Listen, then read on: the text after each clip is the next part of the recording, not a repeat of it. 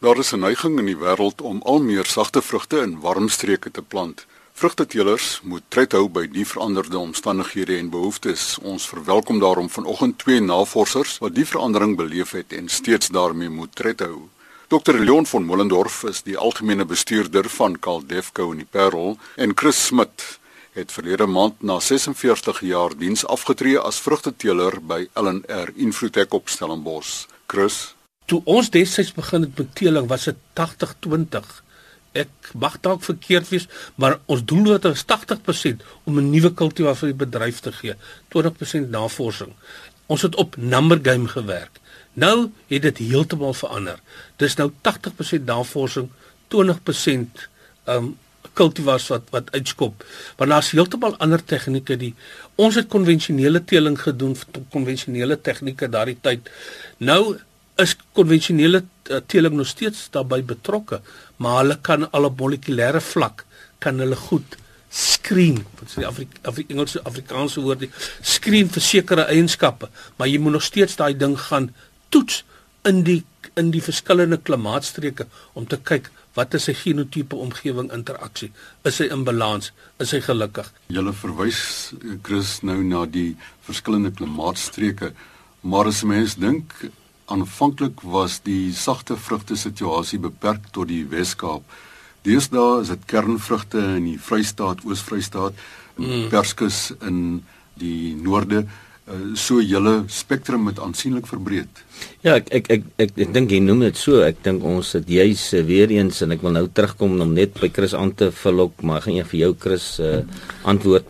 Ja, ons het byvoorbeeld nou die LNR het het, het cultivars ontwikkel, appelkultivars wat met groot sukses in die somerreënvalstreke van uh Limpopo provinsie geplant word in groot volumes. Uh en en jy weet appels gewoonlik het uh, hoë koubehoefte in algemeen en word meestal in Ceres in die koue bokkeveld geplant in in Elgin. Maar nou kan ons uh reg deur die landbasies appels plant en uh, dit is te danke aan nuwe ontwikkeling. Dit te danke aan kultivar ontwikkeling uh improvisering, nuwe tegnieke wat oor jare geïdentifiseer is. En kultivars ontwikkel is deur die instituut uh om om om vir ons nou hierdie moontlik te maak om appels in in in naboomsvryheid byvoorbeeld te plant. So ek dink hierdie dinge en dieselfde geld vir alle ander vrugsoorte. Ons plant so kultivar ontwikkeling, meer aanpasbaarheid en dis meer. Ja, natuurlik, dit gaan oor koue vereistes baie van die gevalle. So uh, jy moet aanpassings maak, ja, maar dit is maar wat navorsing inkom en dit is waarvoor navorsing nodig is om om hierdie probleme soos dit van dag tot dag na vore kom te oor te oorbrug op die einde van die dag. Maar klimaatsverandering verandering is al baie langer saam met ons. Ek kan onthou ek was in 1996 was ek in Turkye by 'n kongres en professor Sansevini van Italië het gesê daar is 'n neiging in die wêreld om al meer vrugte, sagte vrugte in die warmer streke van die wêreld te plant. Want die, die hoofsaaklik die sagte vrugte is nie almal aangepas in die warmer streke nie. En baie van die teelprogramme het verander om populasies te ontwikkel wat in die warm streke geëvalueer kan word wanneer ek kom terug na daai genotipe omgewer inter, interaksie. So dit gaan al meer belangriker wees om Indien wanneer jy 'n populasie ontwikkel vir 'n sekere doel, is om dit in daai bedryfarea te gaan plant en dan daaruit die regte individu te kies wat jy verder dan vegetatief kan vermeerder en éventueel kan kommersialiseer. Die visie van om laagkoubehoefte of laer koubehoefte kultivars te teel kom al etlike jare aan. Spesifiek ons hoofdoelwit daar was maar die noordelike provinsies, die somerreënval areas, want onthou hulle koubehoeftes is baie minder as ons en daar's etlike plekke wat min of meer medium koubehoefte areas is. Ek praat nie van Bethlehem en Klokkelaan en Ficksburg daai tyd wat redelik koue areas is waar hulle kersies kan verbou nie. Onthou Afrika lê oop. Ek het al bietjie ook gereis in Afrika. Die vrugte wat daar inkom is al ou vrugte en dit is duur vrugte want dit is transportkoste. En ek dink ek persoonlik voel Leon hierdie laakouboefte appels wat ons nou ontwikkel het, is daai goed in Afrika kan gekommersialiseer kan word. Jy sal jou partner as ek die Engelse woord kan kies, baie goed moet kies. In Afrika dink ek nie is daar enige respekte vir enige planteteelersregte en IPOF-riglyne en daai tipe van goed nie. Maar die Afrika lê oop vir ons. Daar is ewen in Mosambiek is daar streke waar jy goed kan gaan gaan plant wat dit ja. goed sal doen. Maar jou probleem is jou infrastruktuur en paaie. Ehm um, byvoorbeeld in Zimbabwe, Moradera, daar plant hulle steenvrugte perske suksesvol aan. Ehm um, en dink hulle oes hulle in September maand. So ja, by die regte kultivars, by die regte plek geselekteer vir die regte klimaatsones Leon kan jy Met die regte vennote natuurlik en want dit gaan dit gaan als oor die beskerming en hoe effektief jy kan beskerm natuurlik en die beskerming is krities want weer eens gaan dit hier oor uh fondse wat benodig word vir verdere ontwikkeling vir verdere teeling en dit kan jy doen as jy jou regte effektief beskerm op die einde van die dag. Maar maar, maar Chris is nie net appels nie. Uh, ek wil ook terugkom dat ook uh, Suid-Afrika is primêre warm land as jy praat van sagte vrugte verbouing. So dit leen hom nie altyd na 'n versagte vrugte verbouing oral in Suid-Afrika nie. En dis wat juis ek dink die LNR so uniek gemaak het dat hulle gefokus het op op Suid-Afrikaanse toestande. So ons het selfs in pryme byvoorbeeld nou cultivars en appelkoos en jy kan dit op verskillende ander steenvrugte ook noem wat aangepas is by hierdie minder kouer toestande van Suid-Afrika. Dat uh, ons op die oomblik uh, ons het nou 'n groot strategie deurgegaan in die bedryf wat ons rei, weer eens tot 'n besef gekom het maar hier is soveel uniekheid uh, in in in Suid-Afrikaans ontwikkelde kultivars. Uh ja, daar's baie goeie inge, inge, ingevoerde kultivars. Kom sit dit op die tafel want dit is 'n feit. Ons kan dit nie wegredeneer nie. Maar ons het vir om ons al ons streke te kan voorsien en kan produseer in verskillende streke, het ons eintlik baie nodige plaaslike teelprogram ons praat nou van Chris ek dink amper ek praat om voor ons tyd was die teelprogram al daar. Ek dink ons praat hier van teelprogramme 37 37 vroeg, ek wou nou in die 50 genoem het maar jy nie 30 dis waar hierdie teelprogramme die prime het 43 in die appel het dit oorleef? Ek wil reg sê ek dink ons het uh, die LNR deur al die jare het veral navorsing binne die LNR baie baie goed aangepas want uh, as jy vat steenvrugte sit ons nou nog dat die LNR kultivars eintlik domineer in Suid-Afrika as jy praat van steenvrugte as geheel die hele groep van steenvrugte wat nou pryme, perskes, appelkose, nektarines insluit, wil ek vir my sê dat 'n goeie 50% in almal saam gesien word nog steeds is van kultivar ontwikkeling wat uitgevoer is van kultivars wat ontwikkel is deur LNR. So ek dink hulle het die tyd oorleef, maar aan die ander kant wil ek sê daar's al hoe meer ander teelprogramme wat spesialiseer op ander gebiede.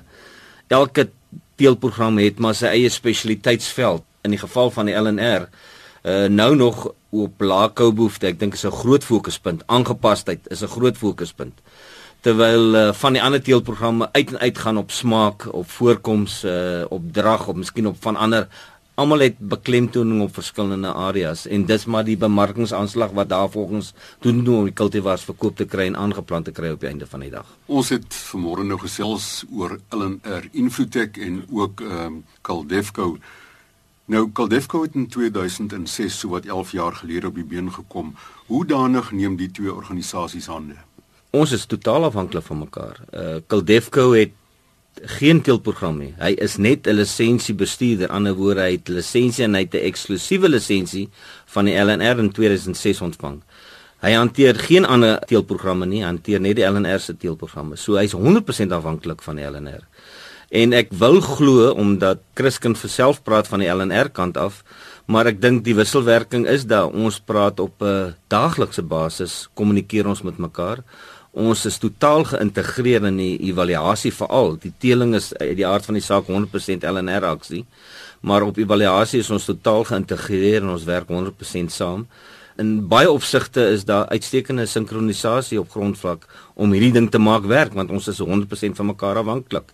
En ek dink dis die sukses van vennote uh, in hierdie geval want ons werklik vennote in hierdie in hierdie situasie. Ja, boonbehalwe dat ons Kuldefko ons kultivars bemark, gaan dit vir my oor die sinergie uh wat daar tussen die twee organisasies is. Dis maklik vir my om die telefoon op te tel vir Leon, dis vra Leon, hoe doen die kultivar daai kultivar van ons in daai en daai land. En die teelers en evalueerders het daai inligting nodig. Want as ons weet dat hierdie kultivar X Y en Z van ons doen goed in 'n sekere klimaatstreek in 'n ander wêreld, dit is baie belangrike inligting vir die teelers om dit weer te gebruik. maar veral waar 'n kultivar baie konstant is in wisselende klimaatstreke en dit gaan oor konstantheid. En die terugvoering, die markterugvoering gedurende die fase 3 fase wat eintlik 'n semi-kommersiële fase is.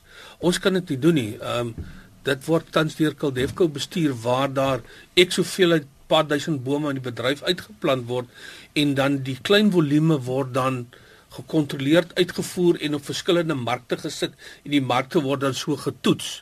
En dan as die kultivar die toets vir die tyd slaag op daai gebied, dan word hy um, algemeen algeheel vrygestel. Maar in die verlede het ons van 6 boontjies af 'n kultivar vrygestel wat hoogs riskant was. En ek hou vir die stelsel soos hy nou op die oomblik is. Chris, jy's vandag in die posisie dat jy op die stoep kan sit en kan terugkyk na wat verby is. Wat wag in die toekoms vir die bedryf? Ek het vroeër jare toe ek self tog die teeling gedoen het, het ek altyd gesê een van die grootste bates van 'n teeler is jy moet kan in die kristalbal kyk en vra wat hou die toekoms in? En dit kan jy slegs baseer op inligting wat jy van die markplekke afkry en dan daarvolgens moet jy jou jou teelprogramme stuur. Die toekoms vir die LNR, ek dink die LNR kan hom nie heeltemal losmaak van die bedryf nie. Ons het die bedryf nodig om om ons die produkte wat ons ontwikkel te kan plant en bemark. Sodoende kan ons 'n uh, baie goeie inkomste genereer daaruit. My wens is is dat die verhouding tussen Kildefco of dan die bedryf en die LNR net verder versterk gaan word of versterk moet word miskien in 'n ander vorm. Ek voel net as ek kan vra dat hierdie kontrak moet die voordeel van beide organisasies wees, want soos Leon vroeër gesê het, ek onderstreep dit. Ons is afhanklik van mekaar. Ons kan nie meer in isolasie isoleer nie, want as ons nie daar nie stap 'n ander ou net eenvoudig in en hy vat ons plek. En dan sit ons opgeskep met ons eie kultivars, wat ons nie weet waarna toe om te gaan nie. Ons moet groet. Baie dankie Chris Smit, afgetrede navorser van LNR Infotech en Dr Leon von Mollendorf, algemene bestuurder van Caldefco. Tot 'n volgende keer, beste wense.